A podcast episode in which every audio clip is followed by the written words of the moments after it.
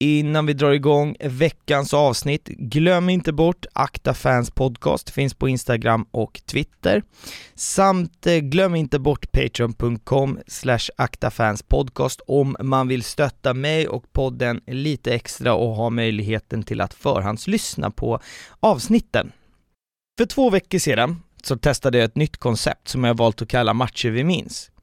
Och konceptet blev uppskattat men där och då var det en, det var en väldigt spontan inspelning som, som jag inte riktigt hade förberett så, så, så väldigt mycket ska jag vara ärlig och säga. Och, men, men jag har valt att jobba vidare med konceptet och kommer att försöka utveckla konceptet och varva lite med de vanliga avsnitten. Så att jag vill bara börja med att tacka jättemycket för all feedback som, eh, som jag fick helt enkelt.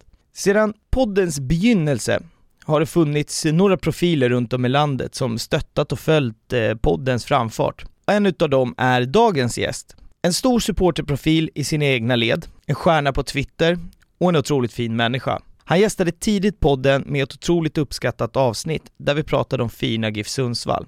För er där poletten inte trillat ner så pratar jag såklart om Johan Martinsson. Och med det sagt så är det ju en stor ära att eh, presentera dig tillbaka till eh, Äkta Fans Podcast. Gud vilken, eh, vilken fin beskrivning. Jag blev alldeles, eh, alldeles rörd. Vad va, va härligt. Nej men, fan det, det, det ska ju tilläggas alltså dels eh, dig och mig och många andra gäster, det, det är ju sådana fina så här, bekantskaper som man kommer i kontakt med, som man, eh, som man fortsätter ha kontakt med och ja men människor som man uppskattar väldigt mycket. Nu, nu var ju du nere i Stockholm och var väldigt nära där jag numera bor, men det blev bara så dålig timing så vi, vi har inte hunnit tagit våran öl och, och sitta vid samma bord, men det det, det, kommer att finnas plats med framöver sådär. Men vi kan ju börja bara så här, hur är, eh, hur är läget med dig? Jo men eh, det är, väl, det är väl bra måste jag säga, det är inte så jäkla ofta som giffare man får sitta med, med fem raka segrar i, i ryggen liksom. Ja det var en stund sen va?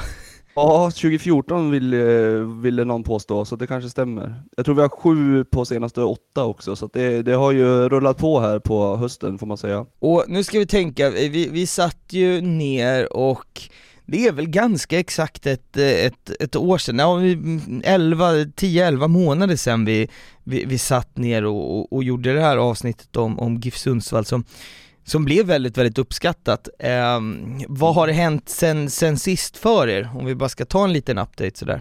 Alltså i fjol vid den tiden så var, det måste ha varit i slutet tror jag, och då var vi ju avhängda redan. Vi, vi hamnade ju 25 poäng efter, eh, efter Degerfors eh, i serien. Mm. Eh, I år så då har vi ju värvat profilstarkt, men vi har haft 18 spelare i truppen, så vi har varit extremt skadedrabbade och eh, en redan liksom tunn trupp har ju fått slita hund. Ehm, vi bytte spelsystem till 3-5-2 och det hackade betänkligt hela tiden fram till i, efter sommaren någon gång när vi bestämde oss för att byta till 4-4-2. Och eh, gått ifrån lite possession till att spela lite mer cyniskt och nu uh, betalat av sig. Det är, det är en jäkla moral i, i gruppen och vi har 12 stycken från Sundsvall av 18 tror jag i truppen, vilket mm. är, eh, måste vara unikt. Ja det där med lokal förankring och att man brinner för klubbmärket på bröstet är ju en, eh, en otroligt viktig aspekt tror jag i, i alla lag och för att göra någonting stort tillsammans när man vet vad det betyder för staden och för, för människorna mm. på läktaren. En, alltså fotbollsspelare överlag, man, får, alltså man kan aldrig komma ifrån att det är ju i mångt och mycket legoknektar men det är ju eh, fint när man har folk som spelar för för märket och inte för eh, lönen lite så. Nej, Men visst. vi är ju här idag, vi har ju pratat lite brett och, och vitt om Sundsvall sådär, men vi, vi ska ju testa på det här nya konceptet Matcher vi minns. Och mm. idag ska ju du ta oss med på ett avsnitt och en och en resa kring eh, matchen mot Östersund 2016 det jag vill säga bara här, jag kommer bara egentligen att eh, släppa lös det i det här avsnittet. Jag kommer såklart vara, vara med, men min position i de här avsnitten där det inte är jag som berättar om en match jag minns, där kommer jag vara betydligt mycket mer passiv än vad jag är i de andra avsnitten, för det är så som det här konceptet funkar. Så att, eh, för vissa kanske är skönt att slippa min röst hela tiden och få höra mer om, om gästen, men eh, vi, vi, får se lite vart vi, vi landar, men jag är, vi har suttit och pratat lite inför, jag är så intresserad och, och, och höra om den här matchen, så ja, alltså take us away säger jag bara.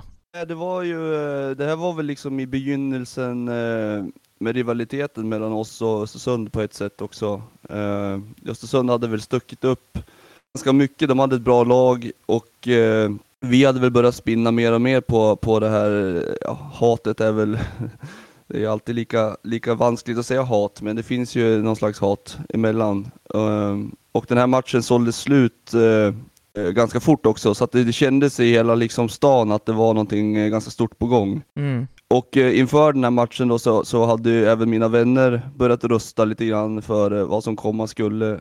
Ehm, så att jag var inbjuden tillsammans med min kompis från, från Örebro, Tobbe Holms, på en grosshandlarlunch uppe hos min vän eh, Mattias Denkert. Okay. Där vi, eh, ja, vi satte till oss där helt enkelt ganska tidigt på förmiddagen vid, vid 11 tiden och serverades en femrätters med dryck. eh, och det är ju alltid, alltid fint. Eh, och det var allt ifrån då någon typ av eh, nässelkräm, var, var, varvid en av mina vänner han är inte så förtjust i saker som, eller han säger så här brukar han säga. Saker som gör ont och som är giftigt i grunden ska man inte äta. Eh, så han sköt ifrån sig tallriken och vägrade, vägrade äta nässelkrämen minns jag. Eh, samma sak med, eh, med murklor brukar han, han har blivit serverad murklor tror jag två gånger och båda gångerna har han sagt Det är giftigt av en anledning Denkert, jag tänker inte äta det här. Eh, nåväl, vi, vi satt där och, eh, och förlustade oss i, eh, i allsköns läckerheter och eh, diskuterade min väns eh, väldigt märkliga boksamling. Min vän eh, Tobbe Holms sprang på en bok som heter Gods och gårdar som vi hade väldigt lustigt åt. Eh, kompis eh, prenumererar på, på en, eller prenumererade på en eh, tidning som heter Gods och gårdar vilket fick oss att tycka att han var lite för, lite för ung för att göra det kanske eftersom mm. åldersspannet kanske är 70 plus. Ja men det låter gubbigt uh, om inte annat. Det var väldigt gubbigt. Ja. uh, hur den var så, så var det här en dag där väldigt många skulle ta sig till arenan uh, och mestadels då medelst taxi. Uh, så att någonstans ungefär en timme innan avspark så, så ringde vi till taxibolaget och skulle boka en taxi, vilket insåg att det gick inte för att det fanns inga bilar. Ehm, så här satt vi någonstans lite grann i skiten för vi hade inte ätit upp sista rätten och vi var tvungna att ha skjuts. Varvid vi ser en, eh, en granne stå ute och tvätta bilen utanför helt enkelt. Mm. Och eh, Tobbe frågade vilka har kontanter på sig? Vi skramlade ihop 300 spänn tror jag. Sen så rusade vi utåt till den här grannen och skickade på honom 300 spänn mot uh, att han skulle skjutsa oss till arenan, vilket, mm. han, vilket han tackade ja till, sjukt nog. Uh, så vi klämde ihop oss i, i, i, en granne som vi inte kände överhuvudtaget, jag hade aldrig pratat med honom, uh, och fick skjuts ner till arenan. Så att där, det var en fin uppladdning och det är väl sådana saker minns man lite extra när man har suttit sådär och med goda vänner och byggt upp någon slags så egentligen så bygg, jag var, jag var mest bara rädd att vi skulle torska det var min, eh, min största farhåga. Eh, redan vid den här tiden så hade jag byggt upp ett ganska stort motstånd till ÖFK och eh, det hade väl börjat surras om, om deras oegentligheter till viss del vill jag minnas också. Mm. Det här är väl 2016, rätta mig om jag har fel, det här är ju året där Östersund är nya i Allsvenskan, inte sant? Det är det året, det första året mm. de är uppe och, och spelmässigt åtminstone charmade kommentatorer och, och, folk med en eh, ganska annorlunda och kaxig fotboll för att vara nykomlingar. Ja, exakt. Jag tror att vid det här tillfället så låg vi, tror att vi låg sjua av de åtta. Det var det här i maj, så att det hade väl inte gått så jäkla långt, men ändå hade serien satt sig hyfsat ändå. Vi hade väl också, eller vi hade också gått väldigt bra. Det var ju liksom ett eh, lite oväntat eh, bra möte liksom. Om man, mm. alltså, ut, utifrån så tror jag inte att det var så många som hade tänkt så inför säsongen. Eh, de hade ju Ghoddos och de hade ju Erman Nouri var väl väldigt bra den säsongen och Alex Dyer och, och alla de här. Mm. Även den inlånade Chelsea-målvakten Jamal Blackman som jag tror samma kväll åkte dit för rattfylla när han kom hem till Östersund. Ja, alltså de satt ju på ett över... Alltså, då, Östersund, så, så trodde man ju inte att eller man fattade inte vilka, vilka guldkorn de satt på, de plockade ju bara så spelare som hade harvat i mittgäng i Allsvenskan och aldrig, eller i Superettan och aldrig riktigt lyckats. Men eh, alltså, med, med, dagens mått mätt så är det, det är inga spelare man, man skojar bort alltså. Alltså satt ju alltså med Ken Sema på bänken. Eh, är ju någonting ändå, det är 2016, det är fem år sedan då. Mm. Att Ken Sema sitter på bänken mot Giffarna är ju någonting. Men han kom, jag tror han kom från typ Ljungskile då, hade gjort en bra säsong där. Det var väl ytterligare en sån här som de plockade upp. Ja, jag tror det stämmer. Ja. Ljungskile, det ska stämma faktiskt. Tror det. Mm. Um, sen har de han som spelar i eh, Kalmar nu, Douglas Bergqvist på bänken också till exempel. Samman Visst, de hade bara. bra lag. Ja, jäklar vad bra han var den säsongen också. Ja, herregud. Så att ja, nej, då, Dennis Widgren för all del hade de ju, Mokibi, Validatta var väl gamla, han har väl varit i AIK va? Ja han fick, det var en, en egen historia säger han, Bosman-spelare, det blev sådär, han blev sådär populär i våra led när han inte skulle skriva nytt kontrakt kan jag säga. Brukar bli så va, Ja, det var örfilar på stan och hemliga möten som sanktionerades av klubben med några från våran C-falang och lite sånt där, det var rörigt. ja, så ska det vara.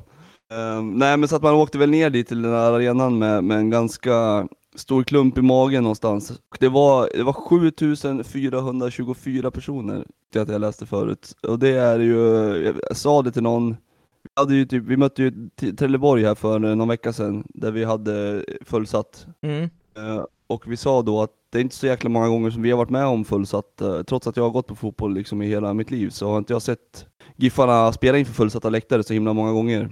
Um, och uh, det är det är sådana, man minns dem lite extra för att det, det, blir, det blir lite speciellt på en sån arena som tar ungefär 7000, när den blir full så blir det så kompakt och så liksom, jag vet inte, det blir speciellt för oss någonstans. Mm. I alla fall, jag, jag, stod nu mot Trelleborg och bara blickade runt och, och hade gåshud på något sätt för att det var så, så, så sällan. Och det här var en sån gång också där eh, hade gjort ett tifo innan med, eh, vi hade skrivit typ så medelpad eh, och alla, alla möjliga typer av eh, lands, vad heter det? landskap. Mm. Men det hade strykit över Jämtland. Och det blev ju också en jävla grej, att de tyckte att det var så himla exkluderande och taskigt mot Jämtland och allt vad det var. Som vanligt. Mm. Tyckte att det var ganska, ganska snällt egentligen. Um, men på den tiden så satt, jag tror att jag hade biljetter via det jobb jag jobbade på då. Uh, så jag satt på sittplats precis bredvid ståplatsläktaren. Och precis när jag sätter mig så inser jag att det sitter alltså en, en ÖFK-are två säten ner uh, från mig. Som, uh, jag märkte direkt att han kommer hålla hov den här matchen. Det mm. var inte riktigt läge att göra det för, för min del den matchen. Så att vi började ganska tidigt tjafsa, redan vid 0-0. Mm. Eh, vilket skulle pågå hela, hela matchen ut sen. Mm. Den här matchen drog väl igång någonstans och, eh, och vi, var, vi, var, vi blev nedtryckta i skorna ganska på en gång. Och det var ganska jobbigt, man såg deras trötta klack, men liksom, det var ju en medelålder på 50. Eh, jag vet inte om de hade börjat sjunga sin eh, paradvisa som de har mot oss, men de har ju alltså gjort en, eh, en ramsa på Lilla Snigel. De sjunger Lilla Sundsvall akta dig, annars tar vi dig. Och det är ju svårt att liksom eh, att ta Så in det. hur bemöter man, det? Alltså hur bemöter... Det är ju omöjligt förstås. ja. Det är ju helt omöjligt. Det är, det är liksom också, ja, det, den, är, den är svårbemött kan man säga. Ja men man vill ju um... någonstans bara så att skaka liv i de här och bara, men ni skämmer ut er själva, förstår ni inte det? Alltså Ja, ja men det, det är exakt det vill man göra. Samtidigt så, så biter det inte. Nej. De.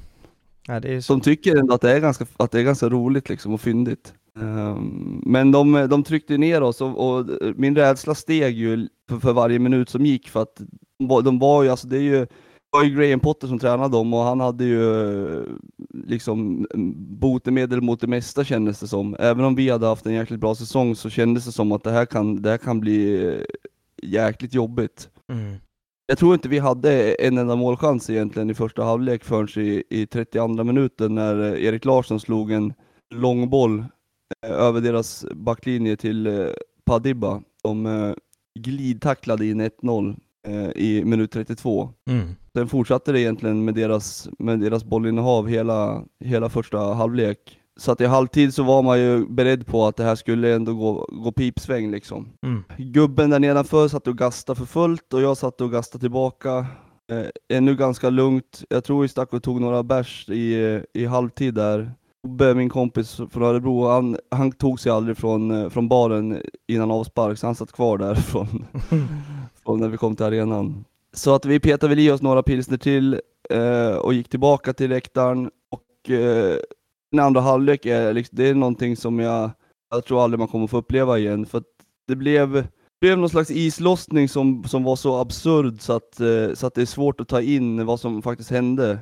Ganska tidigt, i 56 minuten, så, så rullar vi upp dem ganska ordentligt. Stefan Silva blir, blir frispelad, skjuter, studsar på deras back, öppet mål för Runar Mar, Sigurd Jonsson som rullar in, eh, eh, som rullar in 2-0. Och det, det ska man Eh. säga också här, i, till den här storyn ska man faktiskt lägga in här att det är ju många AIK-bekantingar som lyssnar på, på det här avsnittet. Och när du säger Mm. Stefan Silva här så gissar jag på att det finns en del unga aik som tänker så här, oh, eftersom han, det har varit mycket debatt om honom i AIK, att det inte riktigt har funkat och så vidare. Men Stefan Silva år 2016 i Sundsvall är inget skämt. Alltså det Nej, han var är, alltså han var överjävligt bra eh, i, i Sundsvall på den här tiden. Det var ju nästan så här att fortsätter han så här då är det Italien och sen landslaget, alltså det var ju nästan där man, där man hade honom på någon vänster. Ja, och det med Italien löste han ju till slut. Åtminstone. Mm, Ja, precis. Eh, det kan vi komma in på sen, eh, för det, det hände lite grejer efter den här matchen. Men eh, Stefan Silva var bra, han var jäkligt bra. Jag tror att han hade gjort, fram till sommaruppehållet tror jag han gjorde åtminstone sju mål och ett gäng assist. Mm. Eh, Det som var anmärkningsvärt för den här säsongen var ju dock eh, Runar Mar Sigurd Jonsson som var helt, eh, helt överjävligt bra. Det, det, jag tror att det är den bästa spelaren jag sett i Giffarna någonsin. Han var fruktansvärt, fruktansvärt bra och jag tror att han gjorde Stefan Silva väldigt mycket bättre också. Mm. Men det som sker fyra minuter, eller ja, fyra minuter, sex minuter senare, det är nästa AIK-bekanting, Noah Sonko Sundberg, Mm. eh, som av någon anledning har dröjt kvar uppe vid deras, vid deras straffområde eh, när en boll segnar utanför straffområdet i luften. Han kliver upp och gör en bicicleta ribba in utanför straffområdet. Nej, det är så sjukt den här bicicletan alltså. Ja, den är helt overklig. det, är, det är uttrycket, overklig. Ja, och då, då, då dog, alltså, det- alltså det exploderade ju hela arenan. Det var, det var svårt att ta in vad som hände och vid det här laget så hade ju jag fått ett litet grepp om min, min baneman några rader ner. Så att jag satt ju och frågade om han tyckte att det var roligt fortfarande eller om han hade för avsikt att gå hem. Eh, men det hade han inte, sa han eh, och fortsatte väl gasta lite grann. Bara tre minuter senare så, så frispelas eh, Stefan Silva som chippar in eh, 4-0. Då tror jag att jag reser mig upp och gastar åt honom någonting han där nere, varvid han vänder sig om, tittar på mig, reser sig upp ur stolen och går därifrån. Han kom inte tillbaka sen. Det var väldigt härligt. Vi hade alltså gjort, nu ska vi se vilk, hur lång tid det kan ha tagit då, men ja, nio minuter tog det för oss att gå från 1-0 till 4-0. Ehm, och den, den stämningen som var då på arenan, och, och det, det var verkligen en sån här overklighetskänsla för att det var inte, det var ingen som, som fattade vad, vad som hände riktigt. Eller hur det kunde ha hänt eller varför det hände för att vi, vi borde inte ha liksom, borde inte stå som det gjorde på tavlan om man såg till första halvlek. Nej. Och det, och det är klart att matchen, matchen dog väl lite i och med det här, men eh, sen, eh, sen så tar eh, Runar bollen igen här i slutet av, av matchen, så tar han bollen, kör någon slags slalom innan han dunkar in eh, 5-0 också, som någon slags crescendo på hela, hela grejen. Och, Mm. någonstans där när, när matchen var slut så, jag tror aldrig jag har mött ett så enat Sundsvall som efter den matchen. Ute på stan och liksom från arenan och allting så var det som, det var liksom inte som man hade upplevt tidigare. Vart man än gick så var alla glada, även sådana som inte liksom kollade på fotboll egentligen. Även sådana som inte hade varit på matchen, som bara hade hört resultatet, var liksom i en slags extas. Mm. Um, så att ja, det på många sätt, det, hela, hela den matchen i sig var ju såklart någonting väldigt fantastiskt, men också hela dagen och hela liksom allt som, allt som hände runt omkring var också spektakulärt eh, och något som verkligen har satt sig hos mig, att, att det går att få ihop våran stad, även om den kan vara svårflörtad i mångt och mycket och det kan vara lite svårt att få alla att gå på matcher och sådär, så, så just den dagen sitter kvar eh, ganska djupt inom, inom mig. Man har ju pratat om, jag vet inte, jag kommer inte ihåg det exakta uttrycket, men man har ju pratat många gånger i, i fotbollssverige om Norrlandsfönstret, jag tror det är den benämningen som man har, har använt och eh, det som har funnits, i alla fall under min tid, är ju Sundsvall, som har under min tid pendlat lite upp och ner. Gävle har Mm. varit där, jag tycker Gävle är väl, det, det är ju fa- det är inte norr alltså, det, det är att, ta i lite grann, men, men för er som jag kan tänka mig att den, den rivalen som ni har haft i de ligor ni har spelat har väl oftast varit typ Gävle, alltså rätta mig om jag fel här, men hur var det att få till ett, ett allsvenskt liksom hett möte mot ett bra lag som kommer också från norra Sverige? Och om om vi, om vi börjar där och sen bara också den här rivaliteten, du var inne lite på den men går det att utveckla hur, hur känslorna var där liksom? Jag kan börja bara lite kvickt med Norrlandsfönstret, varför det kallas för det. Mm. Det var ju 1964 där när vi kvalade på neutral plan på Råsunda mot Öster Mm. för 30 000. Så när vi vann den, så det var ju första gången ett Norrlandslag eh, eh, gick upp till Allsvenskan. Okej. Och då kallade man det för att öppna Norrlandsfönstret, att liksom Norrlandsfönstret var öppet mot, mot resten av Sverige. Mm. Så det är därför själva benämningen Norrlandsfönstret finns, eh, Okej. så att säga.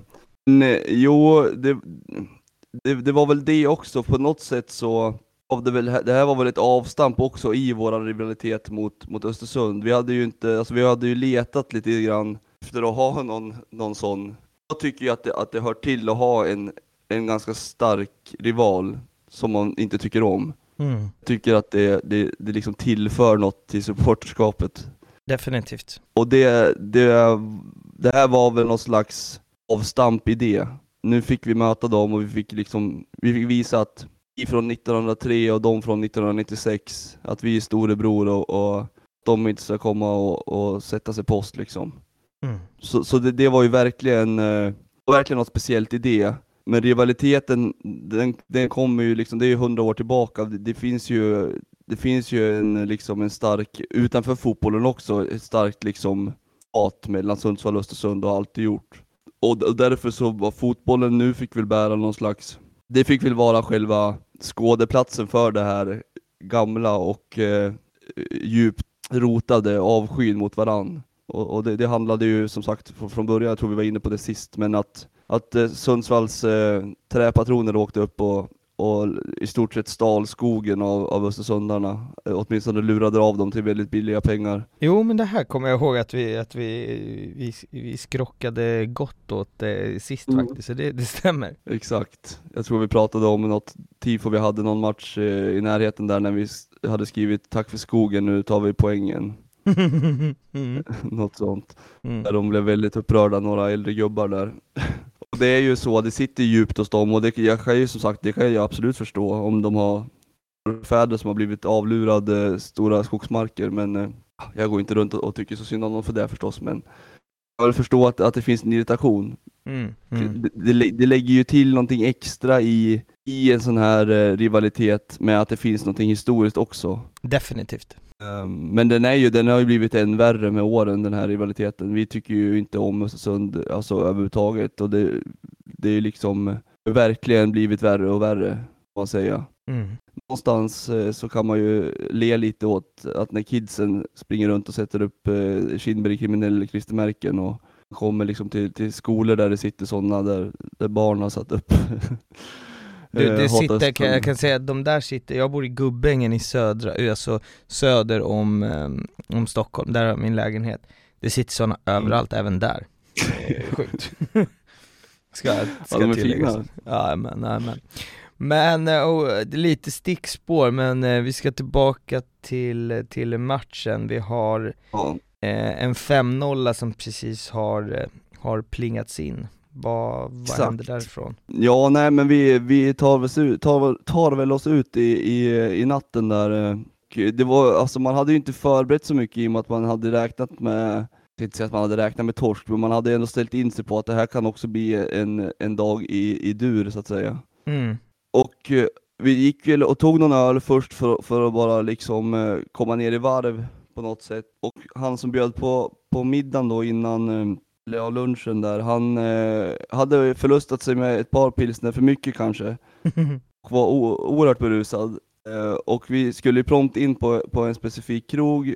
Och det här har nog aldrig hänt, varken före eller efter att det här har gått, men eh, vi, vi blir alltså, alla blir insläppta utom honom på ett ställe, där jag då också ändå förlustad i, i allsköns eh, eh, trolldryck, lyckas prata in honom till vakten som står där.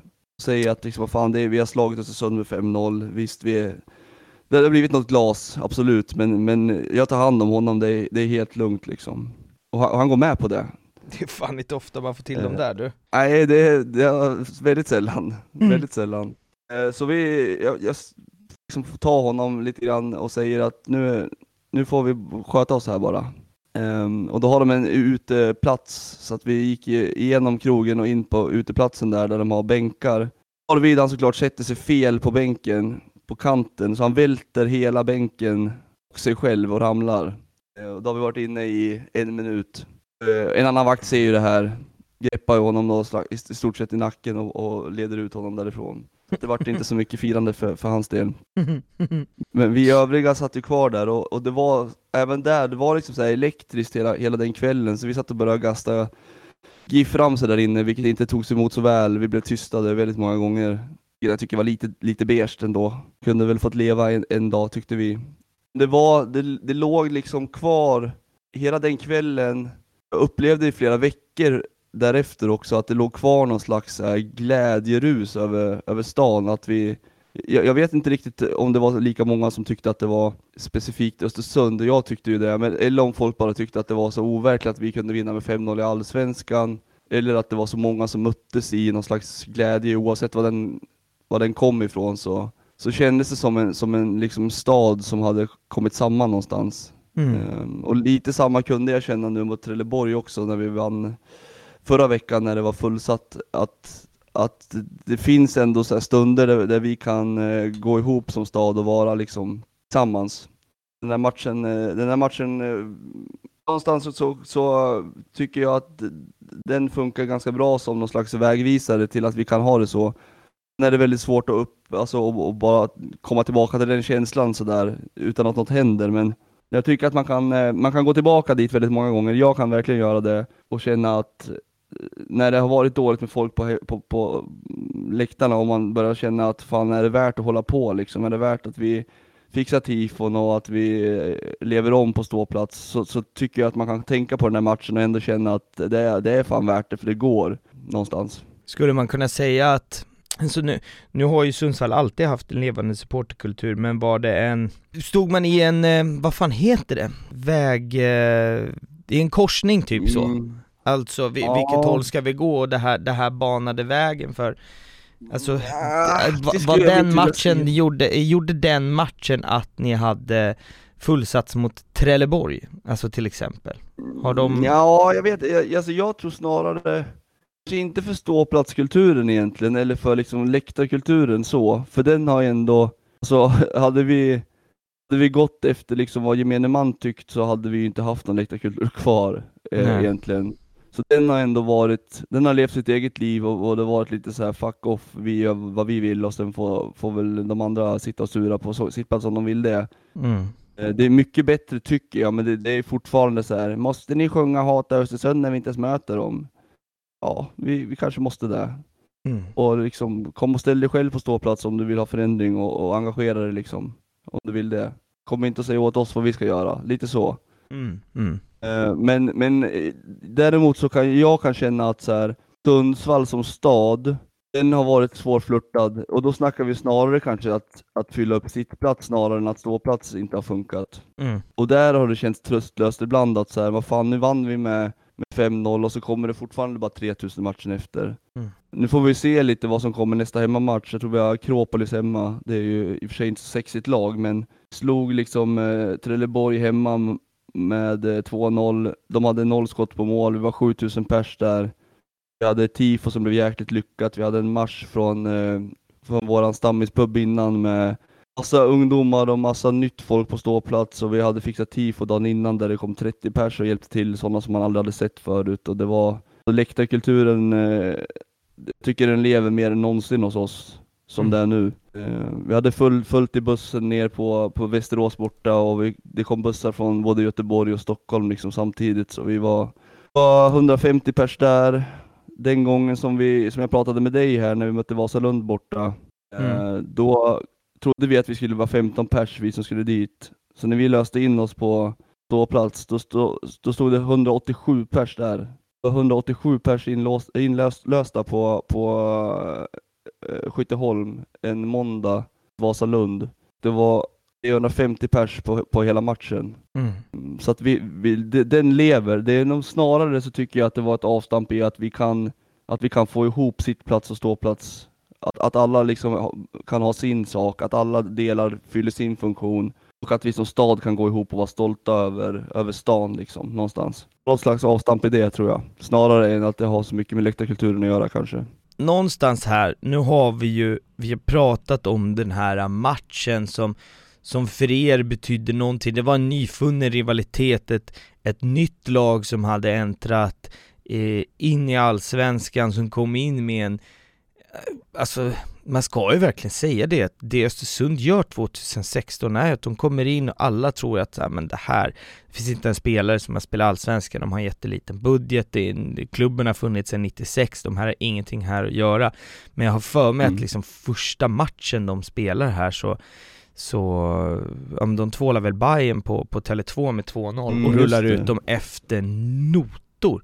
Mm. Eller noter eller vad man säger. Alltså det var, de var ju helt, de spöade ju lag och de spelade ju en, en, en passningsorienterad fotboll, en possession-fotboll som hade aldrig skådats i Allsvenskan. Många fler lag mm. idag jobbar ju, jobbar ju så med, med, med mer Alltså kolla vad Kalmar gör typ nu, det spelar ingen roll vilket lag de möter i Allsvenskan idag, det är ingen som får låna mm. bollen ändå liksom. Men det, det som Östersund gjorde här var ju att de var först med det, och, mm. eh, och jag, är det 2016 de även går och vinner kuppen och 17 de är ute i Europa? Är det så va? Ja, det kan nog vara så ja, exakt. Jag tror exakt. till och med de har vunnit, de har vunnit Svenska kuppen här på, på våren också, så det var ju en extremt liksom stark lag. Alla alltså, mötte de i Allsvenskan var ju, var ju någonstans livrädda för att, att, att spela mot dem. Det, det var mm. verkligen mardrömsmatch för att man visste mm. inte hur man skulle hantera den här typen av fotboll det, det som händer, det intressanta med det här om man kollar med dagens mått mätt, nu har Sundsvall en, en toppstrid i Superettan, jag tänker att vi ska ta det lite på slutet i, när vi ändå har dig på tråden sådär och, och diskutera mm. lite om tankar och, och funderingar om det, men eh, någonstans här så, så, så, kan man ju tro att ja, men historien kommer bli så att Östersund var var lillebrorsan som var ny klubb och kom upp i Allsvenskan och Sundsvall tvålade dem med 5-0 och Sundsvall lever liksom lyckliga alla sina dagar och, och Östersund förblir mm. den lillebror som man känner den kvällen när man, när man eh, lämnar parken liksom. Men om vi ska liksom säga, vad hände sen? Eller om vi ska prata lite i de termerna, förstår du hur jag menar? Mm. Absolut, ja absolut. Nej men det som händer egentligen samma år som jag sa, Runar Marcel Jonsson är nog den bästa spelaren jag sett i Giffarna. Han var helt fantastisk. Eh, han hade utgående kontrakt. Eh, det hade också Dibba.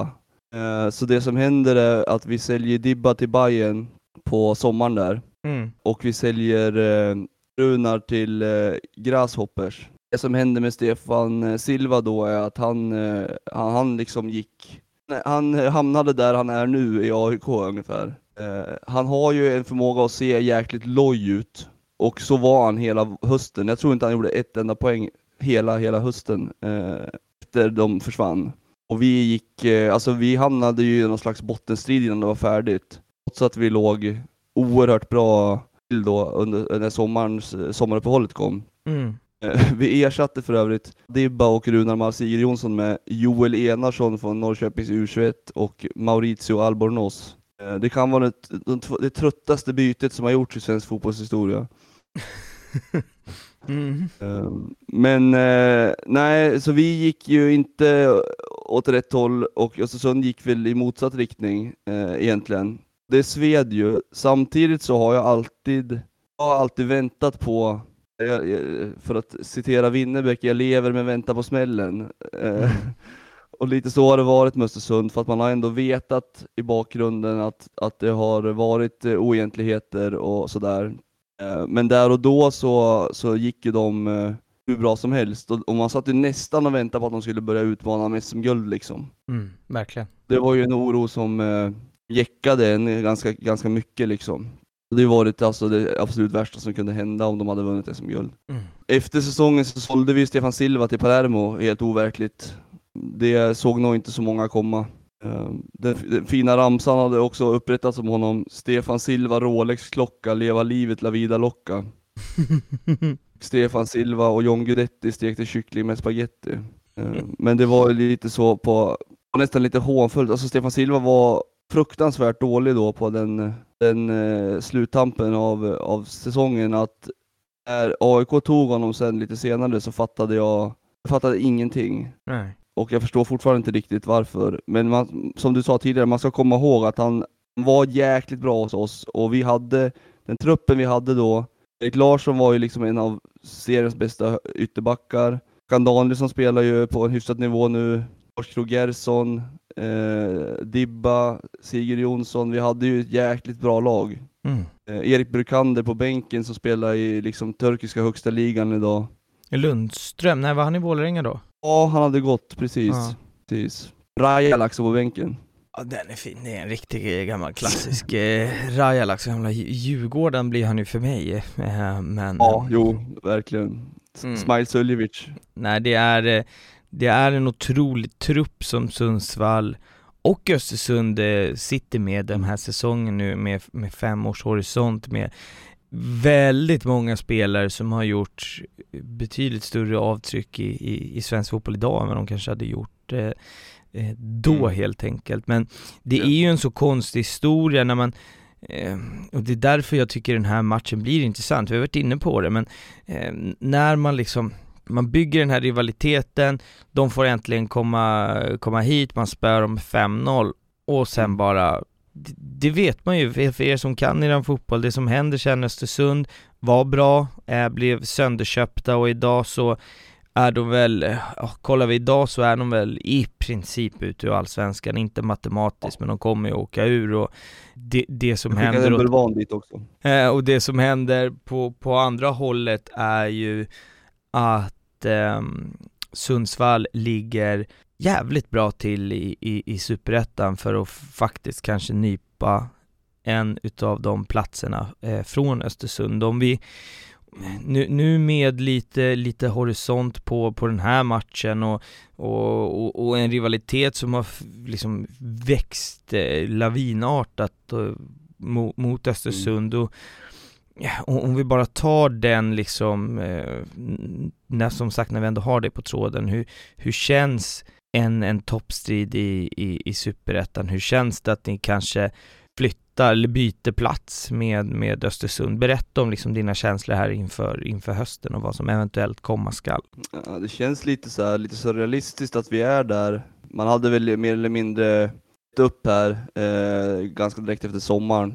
I, I och med att vi hade så tunn trupp, vi hade skador på så många bärande spelare och vi fick liksom inte till det riktigt. Sen bytte vi spelsystem, mötte Värnamo hemma, eh, var helt alltså så extremt tillbakapressade, det var löjligt. Eh, vi lyckas göra 1-0 genom att eh, en av våra backar skjuter på en annan spelare som, som gör mål, och sen så gör Hallenius ett, ett mål från halvplan när han dribblar bort fyra backar och sätter dit den, och någonstans där så vände det eh, för oss. Eh, så vi har ändå slagit nu Värnamo som leder, Helsingborg som är trea, Landskrona är väl fyra, Ja, femma eh, Västerås. i nuläget. Ja, femma kanske. Ja. ja, så kanske. Ja, just det, de torska, eller de spelade kryss här sist, exakt. Eh, Trelleborg, eh, Vasalund och eh, Västerås då. Det är ju bra lag vi har slagit och det som är utmärkande tycker jag är att, att spelarna faller liksom ihop efter, efter matcherna för att de är så slut. De, de tar verkligen ut sig för, för att vinna matcherna. Det har inte sett så jäkla snyggt ut hela tiden, men eh, känns som att de verkligen vill det här och med så många egna, egna spelare. Eh, vi har ju en kille som är 17 nu som har spelat från start, jag tror det är åtta matcher i rad som eh, Ajax scout var och kollade på honom nu mm. eh, på plats här. Eh, Han ser ju otroligt bra ut. Ludvig Novik heter han. Majoriteten av alla våra unga spelare spelar ju i ungdomslandslagen och, och har ju, ja, har, jag tror vi har tre nu, en från, som Leeds har koll på, som han har varit och träffat två gånger. Eh, en som, är i, som leder skytteligan i P17 allsvenskan har eh, tre eller fyra klubbar från Italien och Napoli och Ajax är ute efter Novik. Och, så det är väldigt kul med egna, egna produkter från stan liksom. Mm. Uh, nu är inte alla fostrade i just Giffarna, men de är hos oss nu och, och har varit det under liksom, ungdomsåren. Och det, det bygger ju någonting extra och jag tror att vi har med oss det i den här slutspurten. Däremot så är jag långt ifrån liksom övertygad om att vi, att vi kommer gå upp. Det hade varit, det hade varit liksom någon slags, det man har väntat på, att tids nog så kommer vårat, eh, våran historia och vårat sätt att, att, att, jobba på ge frukt och Östersund kommer inte att palla det i längden och jag tror att det är det vi håller på att se nu faktiskt. Mm. Tror inte att de klarar det alls. Alltså jag tror att de är körda och jag tror inte att, att alltså det dråpslaget kommer inte de klara av när de har en skatteskuld på 15 miljoner som de behöver betala in nästa år. Eh, Nej det tror inte jag heller, jag tror att det där är en förening, om jag får gissa här nu så är det där en förening som kommer sjunka som en sten nu. Mm, tror jag också. Förlåt. Ja, du såg att de har en, eh, våran gamla tränare nu, Per-Johan Hansen var ju tränare i Giffarna förut. Ja just han är där, han har varit i varenda klubb i hela Sverige, känns det som. Mm. Dyker upp i så här vartannat avsnitt, ah, han tränade oss då. Um, ja, är spännande. Äh, fan Johan, det har varit eh, superkul att få, att få sätta sig ner och, och, och podda med dig igen och få höra om en en, eh, en specifik match här alltså som, som betyder mycket för dig och de här avsnitten med det här konceptet där det är svårt att göra dem så långa som, som ett vanligt avsnitt blir, de som blir kanske dubbelt så långa just för att det finns en, en, en längre historia att berätta och ta en specifik match. Man kan, man kan mjölka och berätta känslor men det är svårt att få till det i så, så speciellt mm. mycket längre än vad vi har fått idag, eh, tycker jag. Men vi har fått med en, en väldans massa kolla läget med dig och även diskutera lite toppstrid och jag ska vara jag försöker att vara jävligt opartisk i, i, i den här podden, men nu får jag väl lägga in lite partiskhet, men jag eh, hoppas och eh, i ärlighetens namn tror att Eh, Sundsvall är återigen är ett allsvenskt lag 2022. Eh, det hade varit kul att, få komma upp och kika lite fotboll i Sundsvall och även på välkomna er tillbaka på, på Friends Arena sådär. Får, uh, får du sovplats här så dricker vi lite pilsner efter. Ah, låter som en fantastisk plan. Fan, eh, ta hand om det nu och se till att sjunga fram Sundsvall tillbaka till eh, Allsvenskan. Eh, ni som lyssnar också, glöm inte Akta Fans podcast så ska vi, vi kan ju kanske lägga upp, eh, åtminstone ska vi lägga upp Sonkos fantastiska, mm. orimliga, makalösa bicicleta från utanför straffområdet. Det är ju, ju verkligen, det är verkligen en så här halvklumpig mittbacksbicicleta fast ändå smidig och äh, den är, är konstig men fantastisk typ. Det finns äh, något uh, Youtube-klipp med typ, som är en och en halv minut tror jag med alla fem målen. Ja det ska vi få upp så att ni får kika på dem. Eh, hörni, eh, ta hand om er, glöm inte Akta Fans Podcast på Instagram, Twitter och glöm inte patreon.com slash Akta Fans Podcast. Så hörs vi igen nästa vecka. Ha det fint, ciao!